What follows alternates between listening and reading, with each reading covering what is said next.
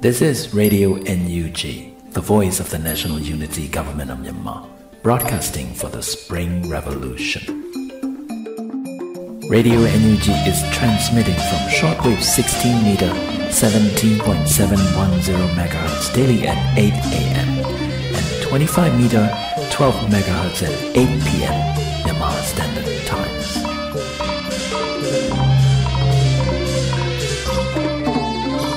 ဂလာပါခင်ဗျာအမျိုးသားညီညွတ်ရေးအစိုးရရဲ့အသံလွှင့်ဌာန Radio NUG ကိုမနေ့၈နိုင်မှာ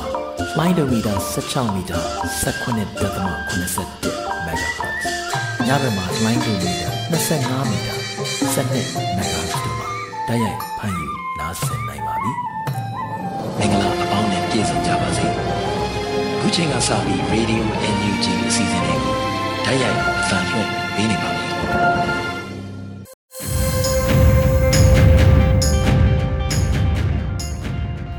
မြန်မာနိုင်ငံသူနိုင်ငံသားအပေါင်းတဘာဝပြီးစစ်အာဏာရှင်ဘေးတို့ကနေကင်းဝေးပြီးကိုစိတ်နှပါကျမ်းမာလုံခြုံကြပါစေလို့ရေဒီယို NUG အဖွဲ့သားများကဆုတောင်းမေတ္တာပို့သလာရပါတယ်ရှင်။အခုချိန်မှစပြီးကာကွယ်ဝိညာဉ်ဌာနမှထုတ်ဝေသောစစ်ရေးတရေအကျဉ်းချုပ်ကိုတင်ဆက်ပေးသွားမှာဖြစ်ပါတယ်ရှင်။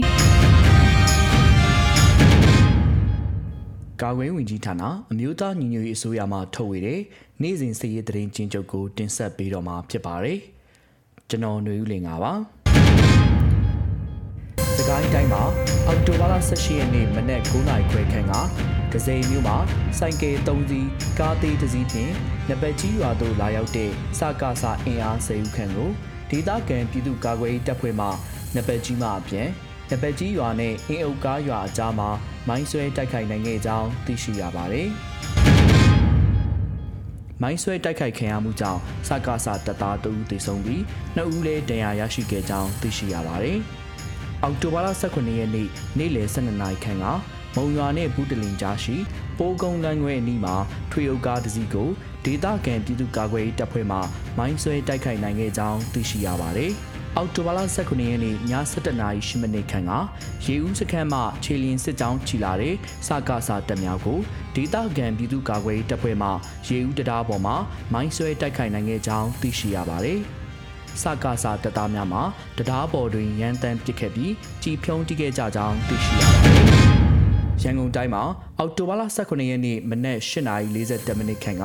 ခရမ်းမြို့နယ်ပြည်သူ့ကာကွယ်ရေးတပ်မှအားကစားရုံရှိတွင်ရပ်ထားတဲ့စကားစာကားကိုမိုင်းဆွဲတိုက်ခိုက်နိုင်ခဲ့ကြောင်းသိရှိရပါတယ်။မိုင်းခွဲတိုက်ခိုက်ခံရမှုကြောင့်စကားစာတပ်သားတအူးဒဏ်ရာရရှိခဲ့ပြီးစေယုံတင်လိုက်ရကြောင်းသိရှိရပါတယ်။ခရမ်းမြို့နယ်ပြည်သူ့ကာကွယ်ရေးတပ်သားများအောင်မြင်စွာဆုတ်ခွာနိုင်ခဲ့ကြောင်းသိရှိရပါတယ်။ စစ်ရေးပြစ်မှုတွေဖြစ်တဲ့မတရားဖမ်းဆီးတပ်ဖြတ်မိရှုမှုသတင်းတွေကိုတင်ဆက်ပေးကြပါမယ်။ချင်းပြည်မှာအောက်တိုဘာလ18ရက်နေ့မနက်ပိုင်းကချင်းပြည်နယ်မတူပီခြေဆိုင်စကားစာတရင်304မှာအောက်တိုဘာ18ရက်နေ့တွင်ဖမ်းဆီးထားတဲ့အပြစ်မဲ့မတူပီဒေသခံ9ဦးကိုငွေကျပ်7သိန်းပိမှပြန်လွတ်ပေးခဲ့ကြောင်းသိရှိရပါတယ်။မ န္တလေးတိုင်းမှာအောက်တိုဘာလ18ရက်နေ့မနက်ပိုင်းကကြောက်ပတောင်းမြို့နယ်ရှော်တာကျွေးရာအတွင်းသို့စကားစာတပ်သားများဝင်ရောက်လာခဲ့ပြီးအပြစ်မဲ့ရွာသား3ဦးကိုဖမ်းဆီးသွားခဲ့ကြောင်းသိရှိရပါတယ်။ယခုတင်ဆက်သွားတဲ့သတင်းတွေကိုမြေပြင်သတင်းတာဝန်ခံများနဲ့သတင်းဌာနများမှဖော်ပြလာတဲ့အချက်လက်များပေါ်အခြေခံပြီးပြုစုထားခြင်းဖြစ်ပါတယ်။ကျွန်တော်ຫນွေဦးလင်ပါ။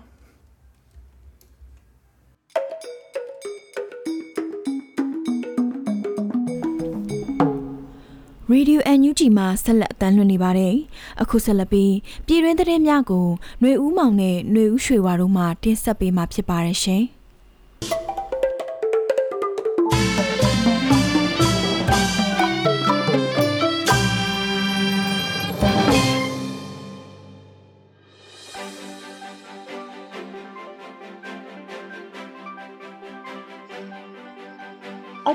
၈ရက်နေ့ကပြည်တွင်းသတင်းတွေကိုတင်ဆက်ပေးပါမယ်။သတင်းကောင်းစီတွေကတော့လော်ဒေါင်းချထားတဲ့မန်တုံမှာကိုဗစ်ကူးစက်ခံရသူ100ကျော်ရှိလာနေ။ကျောက်စင်မြို့မှာရှိတဲ့ Pride ဘုန်းတော်ကြီးကျောင်းမှဆရာတော်ကိုကျောင်းမှစွန့်ခွာရန်စစ်ကောင်စီမှဖိအားပေး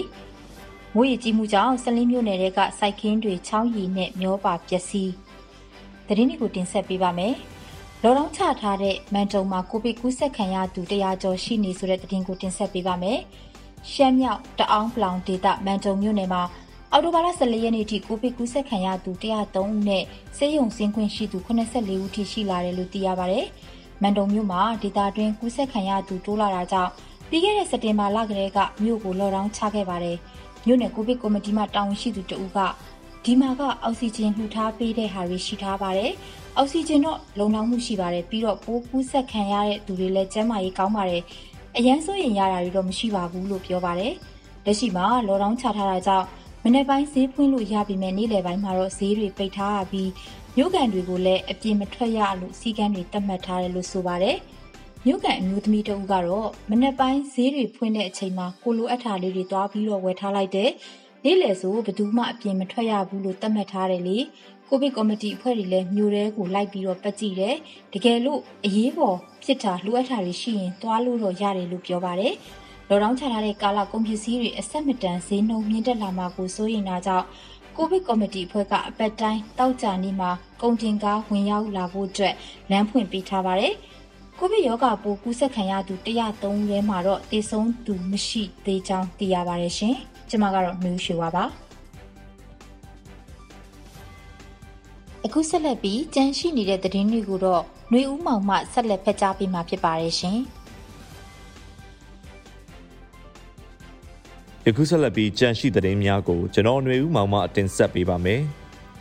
ကျောက်ဆယ်မြို့ရှိပရာဟိတဘုံတော်ကြီးကျောင်းမှဆရာတော်ကိုကျောင်းမှစွန့်ခွာရန်စစ်ကောင်စီမှဖိအားပေးတဲ့သတင်းဖြစ်ပါတယ်။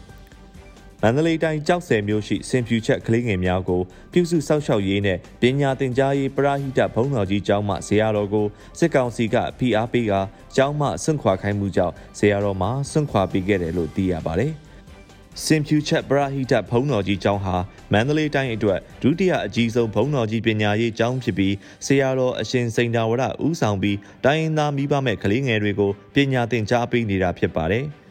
ဒီကျောင်းကဖောင်တော်ဦးပြီးရင်ကျောင်းသားအများဆုံးကျောင်းတစ်ခုပဲမိဘမဲ့ကလေးတွေကိုအဓိကပညာသင်ပေးနေတယ်လို့ကျွန်တော်တို့အနီးရက်ရွာကဆင်းရဲတဲ့ကလေးတွေကိုလည်းပညာသင်ပေးနေတဲ့ကျောင်းပါလာဆန်းပိုင်းလောက်မှာကျောင်းကိုစစ်တပ်ကဝင်စီးပြီးဇေယျတော်ကိုကျောင်းကနေစွန့်ခွာဖို့ဖိအားပေးခဲ့တယ်အခုတော့ဆရာတော်ကျောင်းမှာမရှိတော့ဘူးလို့ကြောက်စဲမြို့မှာနေထိုင်တဲ့ဒေသခံတဦးကပြောပါတယ်။ စင်ဖြူချက်ပရာဟိတဘုံတော်ကြီးကျောင်းဟာကျောင်းဆယ်မြို့မြင်းဆိုင်အနောက်ရက်ရွှေသာလျောင်းတောင်ဘက်မှာတည်ရှိပြီးရဟန်းတန်ဃာနဲ့ကျောင်းသားကျောင်းသူပေါင်းတထောင်ကျော်ရှိပါတယ်။ထိုကျောင်းကို PDF တွေနဲ့အဆက်အသွယ်ရှိတယ်ဆိုတဲ့ဆွဆွဲချက်နဲ့အော်တိုဘာလ၄ရက်ကစစ်ကောင်စီလက်နက်ကင်တပ်ဖွဲ့ကဝင်ရောက်စီးနင်းခဲ့ကြောင်းသိရပါတယ်။အဲ့ဒီမှာမကြသေးပါဘူး။ကျောင်းပြီးထားတဲ့ကလေးနှစ်ယောက်ကလုံအားပေးအနေနဲ့ဇာလာတင်တယ်။အဲ့ဒီလိုလာတင်တာကိုစစ်တပ်ကကျောင်းမှာ PDF တွေရှိတယ်ဆိုပြီးသတင်းရတယ်လို့လာရှာကြတယ်။ ရှာတော့အဲ့ဒီကလေးတွေကိုမတွေ့ဘူးအဲ့ဒီကလေးတွေနေခဲ့တဲ့အခန်းကိုဝင်ရှာတော့လက်လုံပစ္စည်းတွေတွေ့တယ်လို့သတင်းထုတ်ပြန်ခဲ့ကြတယ်ဟုဇေယျတော်အရှင်စိန်နာဝရ၏ဆရာတကာရင်တူဖြစ်သူကပြောပါတယ်ဆရာတော်အရှင်စိန်နာဝရရဲ့ဆရာတကာရင်တူဖြစ်သူကအဲ့ဒီလိုတွေ့တယ်ဆိုတော့မြုပ်နယ်တန်ခနာယကကဆရာတော်တွေကနေဆရာတော်ကနိုင်ငံရေးမလုပ်ဘူးပရာဟိတတက်တက်လုပ်နေတယ်လို့အာမခံပေးကြတယ်အဲ့ဒီမှာဆရာတော်ရဲ့စိတ်တက်ကပြင်းတော့เจ้าကိုပြန်အပ်လိုက်တယ်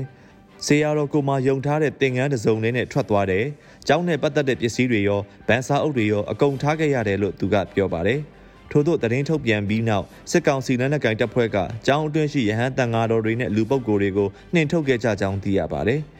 စင်ပြူချက်ကလေးငယ်များပြုစုစောင့်ရှောက်ရေးနဲ့ပညာသင်ကြားရေးပရဟိတနဲ့ဘုံတော်ကြီးတင်ပညာရေးကျောင်းဆရာတော်အားစစ်ကောင်စီတပ်ကဖိအားပေးကကျောင်းမှစွန့်ခွာခိုင်းမှုကြောင့်တိုင်းရင်းသားမိဘမဲ့ကလေးငယ်တွေနဲ့ဒေသခံစင်ရဲသားတွေရဲ့ပညာရေးပိုင်းမှာအခက်အခဲရှိလာနိုင်တယ်လို့ဒေသခံတွေကပြောဆိုနေကြပါတယ်ခင်ဗျာ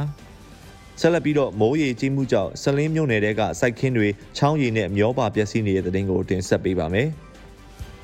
မကွေးတိုင်းမှာမိုးဆက်တိုက်ရွာလို့ရေကြီးရေရှမ်းတာတွေဖြစ်နေပြီးတမန်တွေမှာရေပိုလွှဲကရေရှမ်းနေတာတွေကြောင့်စိုက်ခင်းတွေရေနဲ့မျောပါသွားပြီးပျက်စီးဆုံးရှုံးလိုက်ရတယ်လို့ဒေသခံတွေစီကသိရပါတယ်။တမန်အောက်ကဂျေးရွာတွေမှာစပားအပါအဝင်ကိုင်းမြေတွေတီးနှံတွေအကုန်ချောင်းရည်ပြင်းကြီးဖြစ်နေပြီးရေလွှမ်းကုန်ပြီဖြစ်တယ်လို့ဒေသခံစိုက်ခင်းရှင်တို့ကပြောပါတယ်။ချောင်းရည်ကတော့အပြေပေါ်ကိုင်းနဲ့စိုက်ထားတဲ့တီးနှံတွေရေလွှမ်းမုံပြီးပျက်စီးကုန်တာပေါ့အချို့ကျစပားတွေစိုက်ကြတယ်။ အချို့တောင်သူလည်းမြေပဲတွေစိုက်ကြတာပေါ့ချောင်းရည်ကြတော့အကုန်ဆုံးရှုံးကုန်ပြီပေါ့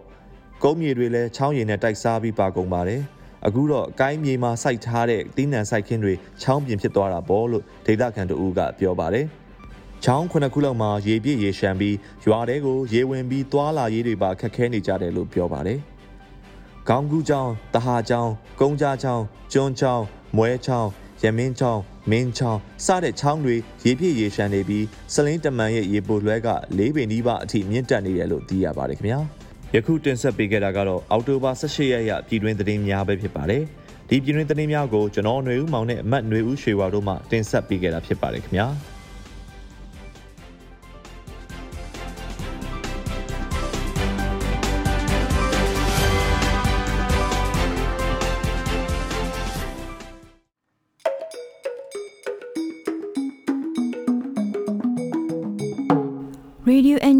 ဆက်လက်အသံလွှင့်နေပါတယ်။အခုဆက်လက်ပြီးပြည်သူတိုက်ပွဲသတင်းများကိုကြော်နေဦးမှဆက်လက်တင်ဆက်ပေးမှာဖြစ်ပါတယ်ရှင်။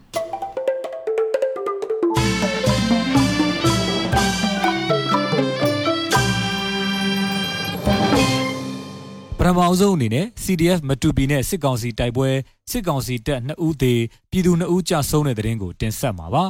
အော်တိုဘာ15ရက်နေ့ညနေ6နာရီခန့်မှာ CDF မတူပီနဲ့စစ်ကောင်စီတပ်အကြားပစ်ခတ်မှုဖြစ်ပွားခဲ့ရာစစ်ကောင်စီဘက်က2ဦးသေဆုံးခဲ့ကြောင်း CDF မတူပီကထုတ်ပြန်ခဲ့ပါတယ်။ရင်းတိုက်ပွဲမှာ CDF မတူပီဘက်ကထိခိုက်ကြဆုံးမှုမရှိဘူးလို့ဆိုပါတယ်။အော်တိုဘာလ16ရက်နေ့မွန်လွယ်2နာရီခန့်မှာစစ်ကောင်စီတပ်ကလက်နက်ကြီးများရန်တမ်းပစ်ခတ်တာကြောင့်အသက်6နှစ်အရွယ်ကလေးငယ်တဦးသေဆုံးခဲ့ပြီးစစ်ကောင်စီတပ်ထောင်ထားတဲ့မြေမြုပ်မိုင်းနင်းမိလို့တက်ကြီးပိုင်းပြည်သူတဦးထပ်မံသေဆုံးခဲ့ပါတယ်။ဒါအပြင် မတူပီမင်းတပ်လန်ချန်ပီယံလမ်းကြောင်းမှာလက်နက်ကြီးကျ၍ပြည်သူတအုပ်ပြင်းထန်စွာဒဏ်ရာရရှိခဲ့ပါသေးတယ်။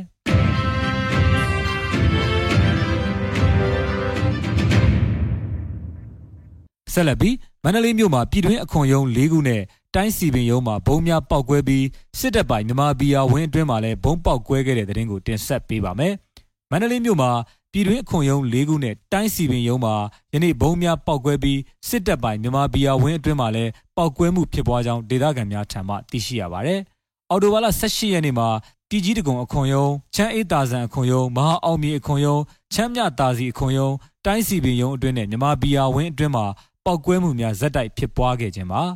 ထိခိုက်ပျက်စီးမှုအခြေအနေကိုအသေးစိတ်မသိရှိရသေးကြောင်းယခုရက်ပိုင်းမှာစစ်ကောင်စီထောက်တိုင်များအုပ်ချုပ်ရေးရန်ရာများကိုမြို့ပေါ်ပျောက်ကြားအဖွဲ့တွေက ပြစ်မှတ်ထားတိုက်ခိုက်မှုများခက်ဆိတ်ဆိတ်တွေ့လာရကြောင်းဒေသခံတဦးကပြောပါတယ်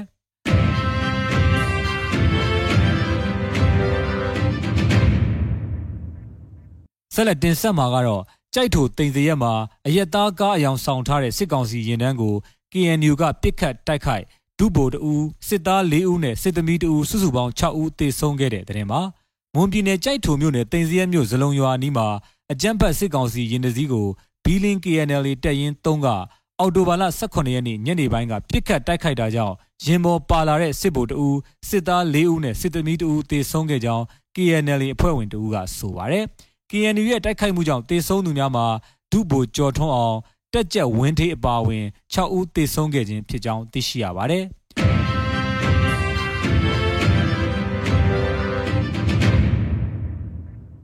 နောက်ဆုံးအနေနဲ့ အမျိုးသားညီညွတ်ရေးအစိုးရပြည်ထရေးနဲ့လူဝင်မှုကြီးကြပ်ရေးဝန်ကြီးဌာနကထုတ်ပြန်တဲ့အော်တိုဘာလ15ရက်ပြည်သူ့ခုခံတော်လှန်စစ်တရင်အချက်လက်တွေကိုတင်ဆက်ပေးပါမယ်။အာနာသိန်းအကြမ်းဖက်စေအုပ်စုရဲ့ပြည်သူလူထုအပေါ်အကြမ်းဖက်ဖိနှိပ်ဖမ်းဆီးတိုက်ခိုက်တပ်ဖြတ်နေမှုများကိုပြည်သူလူထုတရက်လုံးကအသက်ရှင်တန်ရေးအတွက်မိမိကိုယ်ကိုမိမိခုခံကာကွယ်ပိုင်ခွင့်အရာပြည်သူခုခံစစ် People's Defensive War ကိုဆင်နွှဲလျက်ရှိပါတယ်။တရင်အချက်လက်များအရ18ရက်10လ2021ရက်နေ့မှာရန်သူစစ်ရေးပြစ်မှတ်17နေရာ အုပ်ချုပ်ရေးပြစ်မှတ်၈နေရာနဲ့စီးပွားရေးပြစ်မှတ်၁၁နေရာတို့ကိုခုခံတိုက်ခိုက်နိုင်ခဲ့ပါတယ်။စစ်အာဏာရှင်စနစ်မြမအမြေပေါ်ကအပြီးတိုင်ချုပ်ငင်းရေးနဲ့ Federal Democracy တည်ဆောက်ရေးအတွက်ငြိမ်းချမ်းစွာဆန္ဒပြတဲ့လူထုတပိတ်တိုက်ပွဲများကပြည်내နဲ့တိုင်းဒေသကြီးများမှာဖြစ်ပွားပေါ်ပေါက်လျက်ရှိပါတယ်။မြေပြင်မှာယခုတွေ့ရတဲ့သတင်းအချက်အလက်များထက်ပို၍ဖြစ်ပွားနိုင်ပါတယ်ခင်ဗျာ။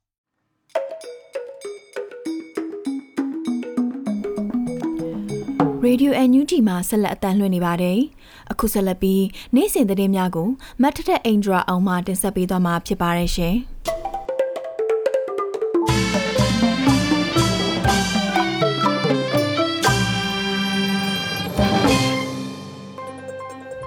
မြန်မာနိုင်ငံသူနိုင်ငံသားအလုံး BNN ရဲ့အတွေ့အကြုံကနေကင်းဝေးပြီးကိုယ်စိတ်နှစ်ပါးလုံးချုံအေးချမ်းကြပါစေလို့ PPTV ဖွဲ့သားတွေကမြစ်တာပို့သလိုက်ရပါတယ်။ အခုချိန်ကစပြီး PPTV သတင်းတွေကိုတင်ဆက်ပေးတော့မှာပါ။ကျွန်မထက်ထက်အင်ဒရာအောင်ပါ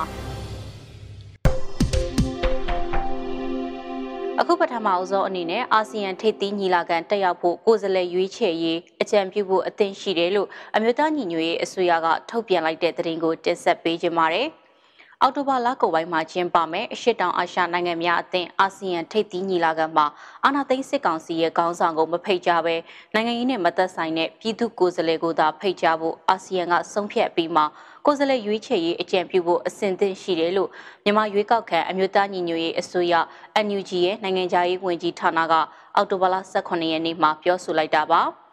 လာမယ့်အောက်တိုဘာ26ရက်ကနေပြီးတော့28ရက်နေ့ထိကျင်းပမယ့်38ကြိမ်မြောက်နဲ့39ကြိမ်မြောက်အာဆီယံထိပ်သီးအစည်းအဝေးတွေနဲ့ဆက်ဆက်အစည်းအဝေးတွေကိုမြန်မာနိုင်ငံအနေနဲ့ကိုစားပြုတက်ရောက်ဖို့နိုင်ငံရေးနယ်ပယ်မှာမဟုတ်တဲ့ကိုယ်စားလှယ်ကိုသာဖိတ်ကြားမဲ့အာဆီယံရဲ့အစီအစဉ်ကိုကြိုဆိုတယ်လို့လည်းကြေညာချက်မှာထည့်သွင်းဖော်ပြထားပါတယ်။ အာဆီယံအထူးကိုယ်စားလှယ်ကိုမြန်မာနိုင်ငံကသက်ဆိုင်သူအားလုံးနဲ့တွေ့ဆုံပေးစေရေးကတိကဝတ်ကိုစစ်ကောင်စီခေါင်းဆောင်ကပြက်ကွက်နေခြင်းအပါအဝင်အာဆီယံဘုံသဘောတူညီချက်9ရပ်ကိုစစ်ကောင်စီကလုံးဝအကောင့်ထဲမဖော်နိုင်ကြောင်းအာဆီယံမှသိရှိသဘောပေါက်တာကိုလည်းအထူးကြိုဆိုတယ်။ဒါဟာမြန်မာပြည်သူပြည်သားတွေအတွက်အာဆီယံဘက်ကထူးထူးကဲကဲမကြုံစဘူးအပြုသဘောဆောင်တဲ့ခြေလှမ်းတရက်ကိုစတင်လိုက်တာလို့ကောက်ချက်ချပါတယ်။ မြန်မာနိုင်ငံမှာဖေဖော်ဝါရီ၁ရက်နေ့တရားမဝင်အာဏာသိမ်းပြီးချိန်ကစလို့စစ်ကောင်စီဟာနိုင်ငံရေးအကြက်တဲအားဖြည့်ရှင်းရန်အင်အားသုံးအကြံဖက်ချုပ်ကင်ပြီးအထိပ္ပယ်ပြေးွားတဲ့ဆက်ဆက်ရေးဖြစ်မလာအောင်ဟန်တားနေတယ်။အာဆီယံအခြေခံမှုတွေပေါ်အခွင့်ကောင်းယူအလွဲသုံးစားလုပ်နေတယ်။ဒီလုပ်ရဟာစစ်ကောင်စီအနေနဲ့မြန်မာပြည်သူပြည်သားတွေကိုတစ္ဆာဖောက်ယုံများမကအာဆီယံရဲ့ဥဆောင်ဥရွယ်ပြုမှုကိုပါအများယုံကြည်မှုကင်းမဲ့အောင်လုပ်နေတာဖြစ်တယ်လို့ NUG ရဲ့ကြေညာချက်မှာဖော်ပြပြောဆိုထားပါတယ်။ အာဆီယံအနေနဲ့စစ်ကောင်စီကအရာရှိတွေအာဆီယံအစည်းအဝေးမှာမပါဝင်အောင်တားမြစ်အောင်သာမကသူတို့နဲ့ဆက်နွယ်တဲ့ဘယ်သူတဦးတယောက်အဖွဲ့အစည်းတွေပါဝင်ပတ်သက်တာကိုမဆိုလုံးဝတားမြစ်ဖို့ NUG ကတိုက်တွန်းခဲ့ပါတယ်။အာဆီယံကရွေးချယ်ဖိတ်ခေါ်လိုက်တဲ့မြန်မာနိုင်ငံကိုစားပြုကိုယ်စားလှယ်ဟာမြန်မာနိုင်ငံနဲ့မြန်မာပြည်သူပြည်သားတို့ရဲ့အကျိုးဆန္ဒကိုလိုလားကိုစားပြုသူသာဖြစ်ကြောင်းအာဆီယံအနေနဲ့ခိုင်မာသေးကြဖို့လိုတယ်လို့လည်းသိတာထင်ရှားအောင် NUG ကပြောပါတယ်။ NUG ဟာမြန်မာနိုင်ငံကအာဆီယံအဖွဲ့ဝင်နိုင်ငံဖြစ်ခြင်းကိုအထူးအလေးနဲ့ထားပြီးတော့အာဆီယံအပေါ်အစွမ်းကုန်လေးစားသမှုနဲ့ရှေ့ဆက်သွားနေတယ်။အမျိုးသားညီညွတ်ရေးအစိုးရဟာမြန်မာနိုင်ငံမှာဒီမိုကရေစီပြည်လည်ရရှိရေးနဲ့နိုင်ငံတွင်းတည်ငြိမ်အေးချမ်းမှုအမြန်ဆုံးပြည်လည်ရရှိရေးတို့အတွက်အာဆီယံနဲ့အတူပူးပေါင်းအပြေရှားဖို့ကတိကဝတ်ပြုတယ်လို့ကြေညာချက်ကဆိုပါတယ်။ဒါမှသာမြန်မာနိုင်ငံဟာအာဆီယံဒေသတွင်အကျိုးဖြစ်ထွန်းစေတဲ့မိဖက်နိုင်ငံဖြစ်လာမယ်လို့ NUG ကထပ်လောင်းပြောဆိုခဲ့ပါတယ်။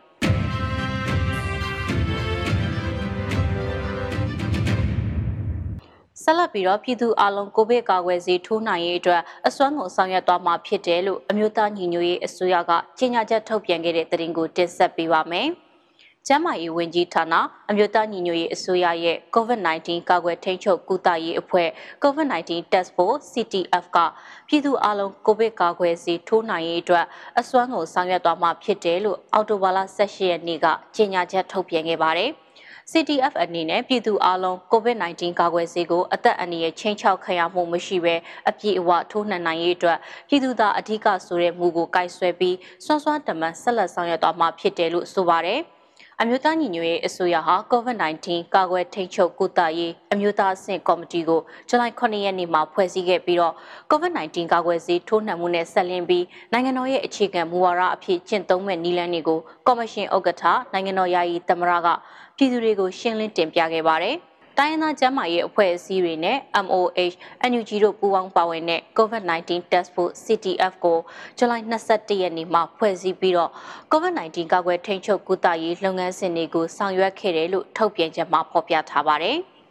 ပြည်သူအလုံးအကြမ်းဖက်ကောင်စီရဲ့ချင်းချောက်ရန်ရှာတာမရှိဘဲကာကွယ်ဆေးထိုးနှံနိုင်ဖို့ GAVI ဟာအဓိကတာဝန်ရှိတဲ့အဖွဲ့အစည်းတစ်ခုဖြစ်ပါတယ်။ဒါကြောင့်ဒန်းနူညီများကာကွယ်ဆေးထိုးနှံနိုင်မှုဥဝါဒကိုမျှမျှတတဖြစ်စေဖို့ညှိနှိုင်းဆွေးနွေးနေတဲ့အပြင် GAVI ရဲ့ဆောင်ရွက်ချက်တွေကိုလည်းနိုင်ငံတကာနဲ့အတူစောင့်ကြည့်လျက်ရှိတယ်လို့ထုတ်ပြန်ချက်မှာဖော်ပြထားပါတယ်။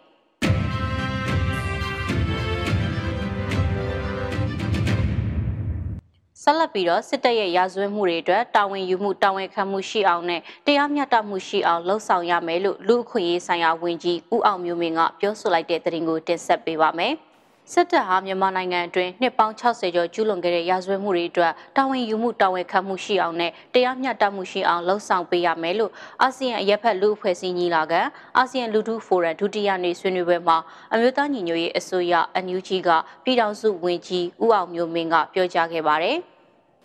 အာဆီယံရဲ့အာရုံစိုက်မှုကင်းမဲ့ခြင်းနဲ့တချို့အခြေအနေတွေမှာပြက်ကွက်ခဲ့တာတွေကမြန်မာနိုင်ငံမှာဒီနေ့အခြေအနေထိရက်ဆက်ကြမ်းကြုတ်တဲ့ရာဇဝတ်မှုတွေကိုစစ်တပ်ကဆက်လက်ကျူးလွန်နိုင်စေဖို့အားပေးအားမြောက်ဖြစ်စေခဲ့တယ်လို့လည်းဆွေးနွေးပွဲအပြီးထုတ်ပြန်ချက်မှာဖော်ပြပါရှိပါတယ်။ဒါ့အပြင်ဆန္ဒပြပြည်သူတွေရဲ့60ရာခိုင်နှုန်းဟာအမျိုးသမီးတွေဖြစ်ကြောင်း ဖမ်းဆီးထိန်းသိမ်းခံထားရတဲ့အမျိုးသမီးတွေဟာညှဉ်းပန်းနှိပ်စက်မှုတွေလိမ်မိုင်းဆိုင်ရာစော်ကားမှုတွေအပြင်ဆဲဆူခံရတာတွေနဲ့ချိန်ချောက်ခံရတာတွေပြုလုပ်ခံနေရတယ်လို့လည်းထုတ်ပြန်ချက်မှာပါဝင်ပါတယ်။နိုင်ငံရေးအကျဉ်းသားတွေနဲ့ဆန္ဒထုတ်ဖော်သူအလုံးလွတ်မြောက်ရေးအပါအဝင်အဖမ်းဆီးခံထားရတဲ့အမျိုးသမီးတွေပေါ်လိမ်မိုင်းဆိုင်ရာအကြမ်းဖက်မှုအဆုံးသတ်ရေးရှေ့ဆက်ပြီးတော့ရက်ဆက်ကြမ်းကြုတ်တဲ့ရာဇဝတ်မှုတွေမဖြစ်အောင်ကြိုတင်ကာကွယ်မှုနဲ့စစ်တပ်ရဲ့အကြမ်းဖက်မှုတွေအဆုံးသတ်ရေးပူးပေါင်းဆောင်ရွက်ပေးကြဖို့လဲထုတ်ပြန်ချက်မှာဖော်ပြပါရှိပါတယ်။ ရာဇဝတ်မှုတွေကိုစုံစမ်းစစ်ဆေးဖို့စောင့်ကြည့်ရေးရန်တရားပါတဲ့အလုံးစုံလက်နက်ပိတ်ပင်မှုပြုလုပ်ဖို့နဲ့မြန်မာနိုင်ငံအခြေအနေကိုလူမျိုးစုအရေးအထူးပြုလုပ်ချက်နဲ့နိုင်ငံတကာရာဇဝတ်ခုံရုံးကိုလွှဲအပ်ဖို့တောင်းဆိုခဲ့ကြောင်းလည်းဆွေးနွေးခဲ့တယ်လို့ထုတ်ပြန်ထားပါတယ်။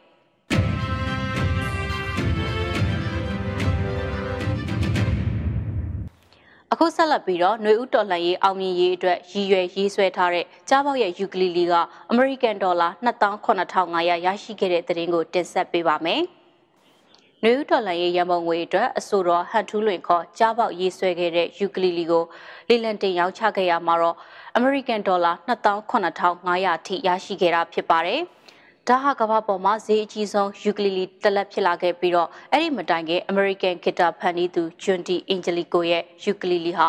ဒေါ်လာ2600နဲ့စံချိန်တင်ဈေးအကြီးဆုံးဖြစ်ခဲ့တာပါ။ အဆိုရဟန်ထူးလွင်ကသူ့ရဲ့ယူကလီလီရောင်းချရတဲ့ငွေကြီးအလုံးကိုနှွေဦးတော်လှန်ရေးအတွက်လှူဒန်းသွားမယ်လို့ပြောကြားထားပါတယ်။သူ့ရဲ့အမှုပညာလက်ရာကိုဈေးအမြင့်ဆုံးပေးပြီးလေးလံအောင်သွားတဲ့အကိုနဲ့လေးလံဝင်ဆွဲကြသူအလုံးကိုဟန်ထူးလွင်ကနိုင်ငံပေါ်မှာထားတဲ့စေတနာရောအမှုပညာကိုတန်ဖိုးထားတဲ့အတွက်ရောကျေးဇူးတင်ပါတယ်။အစစ်စစ်ဈေးတိုးပေးပြီးတော့အပြိုင်လေးလံဆွဲပေးသူများအားလုံးကိုလည်းကျေးဇူးပါလို့သူ့ရဲ့လူမှုကွန်ရက်စာမျက်နှာမှာရေးသားဖော်ပြထားပါတယ်။ ဒီပွဲဟာတာမန်လေးလဲပွဲတစ်ပွဲမဟုတ်ပဲနှွေဦးတော်လှန်ရေးအောင်ပွဲရရှိဖို့နဲ့ဆက်အာဏာရှင်စနစ်ကိုအမြင့်ဖြတ်ချေမှုဖို့ပြည်သူတွေရဲ့စိတ်ပိုင်းဖြတ်မှုနဲ့ညီညွတ်မှုကိုပြတဲ့ပွဲမျိုးဖြစ်တယ်လို့သုံးသပ်မှုတွေလည်းရှိနေတာဖြစ်ပါတယ်။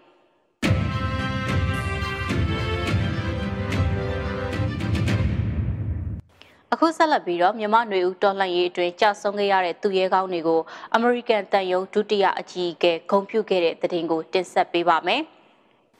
အသက်ရောက်လာတဲ့တန်ယုံဒုတိယအကြီးအကဲဒပ်လင်ဟာမြန်မာကြဆုံးသူရဲကောင်းတွေကိုမကြသေးခင်ကဂုဏ်ပြုခဲ့တယ်လို့မြန်မာနိုင်ငံဆိုင်ရာအမေရိကန်တန်ယုံကသူတို့ရဲ့လူမှုကွန်ရက်စာမျက်နှာမှာထုတ်ပြန်ထားပါတယ်။အမေရိကန်တန်ယုံရှိကြာဆုံးသူများအမှတ်တရအထိမ်းအမှတ်မှာဆင်အာနာသိမ်းမှုကြောင့်ကြာဆုံးခဲ့သူတွေကိုဂုဏ်ပြုထားတာဖြစ်ပါတယ်။အဲ့ဒီအမှတ်တရအထိမ်းအမှတ်နေရာမှာဒီကနေ့အထိကြောက်တုံးပေါင်း1300ကျော်ရှိနေပြီးတော့ကြောက်တုံးတုံးစီကကြာဆုံးခဲ့ရသူတဦးချင်းစီကိုကိုစားပြုတယ်လို့သိရပါတယ်။ နိုင်ငံရေးအကျဉ်းသားများကုညီဆောက်ရှောက်ရေးအသင်း AAPP ကကောက်ယူရရှိထားတဲ့စာရင်းတွေအရ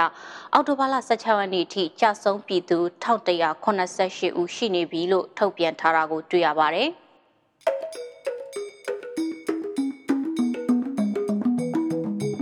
Radio NUG မှာဆက်လက်အသံလွှင့်နေပါတယ်။အခုဆက်လက်ပြီးရဲတပ်ပတ်မူးလီဝတအစီအစဉ်များကိုတင်ဆက်ပေးမှာပဲဖြစ်ပါတယ်ရှင်။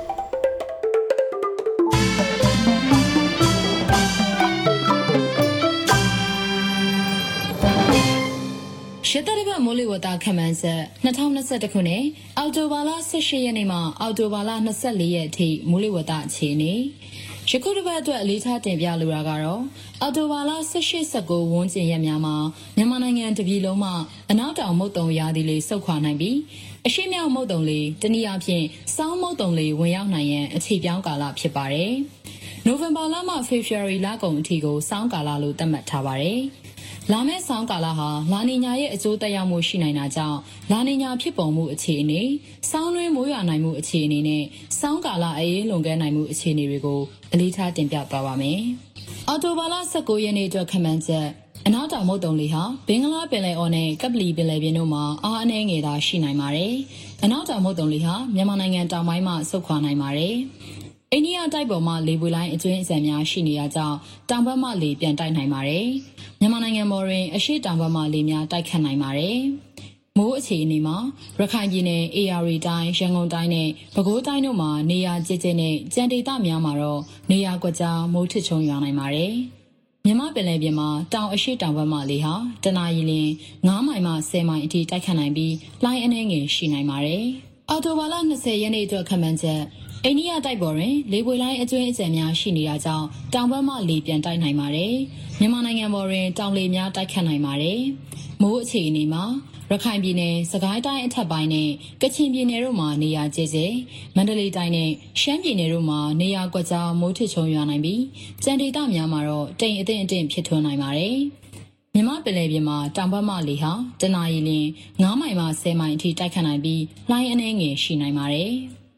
အော်တိုဘာလ22ရက်နေ့အတွက်ခမှန်ချက်အိန္ဒိယတိုက်ပေါ်တွင်တိုက်လေများပြောင်းလဲတိုက်ခတ်လာပြီးအနောက်မြောက်လေများအဖြစ်ပြောင်းလဲတိုက်ခတ်လာမှာဖြစ်ပါတယ်။အဆိုပါအခြေအနေများကြောင့်မြန်မာနိုင်ငံပေါ်တွင်တောင်လေများတိုက်ခတ်မှုရောကျလာပြီးအရှိအရှိမြောက်ဘက်မှလေများစတင်ပြောင်းလဲတိုက်ခတ်လာနိုင်ပါတယ်။မြန်မာနိုင်ငံမြောက်ပိုင်းဒေသများတွင်အပူချိန်များမကြာမီကျဆင်းလာနိုင်ပါတယ်။မိုးအခြေအနေမှာ ရခိုင်ပြည်နယ်စကိုင်းတိုင်းအထက်ပိုင်းနဲ့ကချင်ပြည်နယ်တို့မှာနေရာကျကျမှနေရာစစ်စိမန္တလေးတိုင်းနဲ့ရှမ်းပြည်နယ်တို့မှာနေရာကွက်ကြားမိုးထစ်ချုံရွာနိုင်ပြီးစံဒေသများမှာတော့တိမ်အထင်အထင်ဖြစ်ထွန်းနိုင်ပါတယ်။ကချင်ပြည်နယ်မှာနေရာကွက်၍မိုးကြီးနိုင်ပါတယ်။မြမပင်လယ်ပြင်မှာအနောက်မြောက်ဘက်မှလေဟာတနအီလ9မိုင်မှ10မိုင်အထိတိုက်ခတ်နိုင်ပြီးလှိုင်းအနှဲငယ်ရှိနိုင်ပါတယ်။အော်တိုဘာလ22ရက်နေ့အတွက်ခန့်မှန်းချက် အိန္ဒိယတိုက်ပေါ်တွင် အနောက်မြောက်လေများဆက်လက်အားကောင်းစွာတိုက်ခတ်လာမှာဖြစ်ပါတယ်။အဆိုပါအခြေအနေများကြောင့်မြန်မာနိုင်ငံပေါ်တွင်အနောက်ဘက်မှလေများစတင်ပြောင်းလဲတိုက်ခတ်လာနိုင်ပါတယ်။မိုးအခြေအနေမှာရခိုင်ပြည်နယ်၊စကိုင်းတိုင်းအထက်ပိုင်း၊ကချင်ပြည်နယ်နဲ့ရှမ်းပြည်နယ်မြောက်ပိုင်းတို့မှာနေရာကျကျမှနေရာစစ်စိမန္တလေးတိုင်းနဲ့မကွေးတိုင်းတို့မှာနေရာကွက်ကြားမိုးထစ်ချုံရွာနိုင်ပြီးကြံဒေသများမှာတော့တိမ်အထင်အထင်ဖြစ်ထွန်းနိုင်ပါတယ်။ကချင်ပြည်နယ်မှာနေရာကွက်၍မိုးကြီးနိုင်ပါတယ်။ မြမပင်လယ်ပြင်မှာအနောက်မြောက်ဘက်မှလေဟာတနအီလ9မိုင်မှ10မိုင်အထိတိုက်ခတ်နိုင်ပြီးလှိုင်းအနှဲငယ်ရှိနိုင်ပါတယ်။အော်တိုဘာလ23ရက်နေ့အတွက်ခမန်းချက်အိန္ဒိယတိုက်ပေါ်တွင်အနောက်မြောက်လေများဆက်လက်အားကောင်းစွာတိုက်ခတ်လာနေပြီဖြစ်ပါတယ်။အဆိုပါအခြေအနေများကြောင့်မြန်မာနိုင်ငံပေါ်တွင်အနောက်ဘက်မှလေများစတင်ပြောင်းလဲတိုက်ခတ်လာရမှလေတိုင်နှုန်းရောကျလာပါတယ်။မကြာမီမြောက်လေများအဖြစ်ပြောင်းလဲတိုက်ခတ်လာနိုင်ပါတယ်။မိုးအခြေအနေမှာ ရခိုင်ပြည်နယ်၊စကိုင်းတိုင်းအထက်ပိုင်း၊ကချင်ပြည်နယ်၊ရှမ်းပြည်နယ်အရှေ့ပိုင်းနဲ့တနင်္သာရီတိုင်းတို့မှာနေရာကျကျမှနေရာစစ်စိစကိုင်းတိုင်းအောက်ပိုင်းမန္တလေးတိုင်းနဲ့မကွေးတိုင်းတို့မှာနေရာကွက်ကြားမိုးထချုံရွာနိုင်ပြီးစံဒေသများမှာတော့တိမ်အထင်အထင်ဖြစ်ထွန်းနိုင်ပါတယ်။မြမပင်လယ်ပြင်မှာအနောက်မြောက်ဘက်မှလေဟာတနအီလ9မိုင်မှ10မိုင်အထိတိုက်ခတ်နိုင်ပြီးလှိုင်းအနှဲငယ်ရှိနိုင်ပါတယ်။အော်တိုဘာလ24ရက်နေ့အတွက်ခန့်မှန်းချက် အိန္ဒိယတိုက်ပေါ်တွင်အနောက်မြောက်လေများဆက်လက်အားကောင်းစွာတိုက်ခတ်နေရမှာလေပြင်းများဆွဲဟာအစပြုလာပါတယ်။အိန္ဒိယအနောက်မြောက်ပိုင်းတွင်ညအပူချိန်များစတင်ကျဆင်းလာနိုင်ပြီးအေးတဲ့တိုးလာခြင်းများအစပြုလာမှာဖြစ်ပါတယ်။အဆိုပါအခြေအနေများကြောင့်မြန်မာနိုင်ငံပေါ်တွင်အနောက်ဘက်မှလေများစတင်ပြောင်းလဲတိုက်ခတ်လာရမှာလေတိုင်နှုန်းရောကျလာပါတယ်။မကြာမီမြောက်လေများအဖြစ်ပြောင်းလဲတိုက်ခတ်လာနိုင်ပါတယ်။ မိုးအခြေအနေမှာရှမ်းပြည်နယ်အရှေ့ပိုင်း၊ကယားပြည်နယ်၊ကရင်ပြည်နယ်၊မွန်ပြည်နယ်နဲ့တနင်္သာရီတိုင်းတို့မှာနေရာကျကျမှနေရာစစ်စိတ်၊စကိုင်းတိုင်းအောက်ပိုင်း၊မန္တလေးတိုင်း၊မကွေးတိုင်း၊ပဲခူးတိုင်းနဲ့ရန်ကုန်တိုင်းတို့မှာနေရာကွက်ကြားမိုးထစ်ချုံရွာနိုင်ပြီးစံဒေသများမှာတော့တိမ်အထင်အထင်ဖြစ်ထွန်းနိုင်ပါတယ်။မြမပင်လယ်ပြင်မှာတောင်အရှိတောင်ဘက်မှလေဟာတနအီလ9မိုင်မှ10မိုင်အထိတိုက်ခတ်နိုင်ပြီးလှိုင်းအနှဲငယ်သာရှိနိုင်ပါတယ်။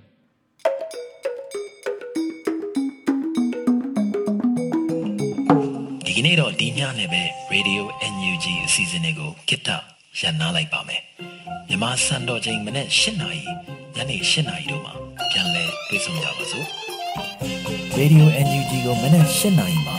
flight meter 16 meter 19.87 MHz ညဘက်မှာ flight meter 25 meter 12 MHz တို့မှာတိုက်ရိုက်ဖမ်းယူနားဆင်နိုင်ပါပြီမြန်မာနိုင်ငံသူနိုင်ငံသားများ ကိုစိတ်နှပြချမ်းမာချမ်းသာလို့ဘေးကင်းလုံခြုံကြပါစေလို့ Radio NUG အဖွဲ့သူဖွဲ့သားများဆုတောင်းပေးလိုက်ပါတယ်။အမျိုးသားညီညွတ်ရေးအစိုးရရဲ့ဆက်သွယ်ရေးသတင်းအချက်အလက်နဲ့ဤပညာဝန်ကြီးဌာနကထုတ်လွှင့်နေတဲ့ Radio NUG ဖြစ်ပါတယ်။ San Francisco Bay Area ခြေဆိုင်မြန်မာမိသားစုများနဲ့နိုင်ငံတကာကစေတနာရှင်များလှူအားပေးများရဲ့ Radio NUG ဖြစ်ပါတယ်။အရေးတော်ပုံအောင်ရမည်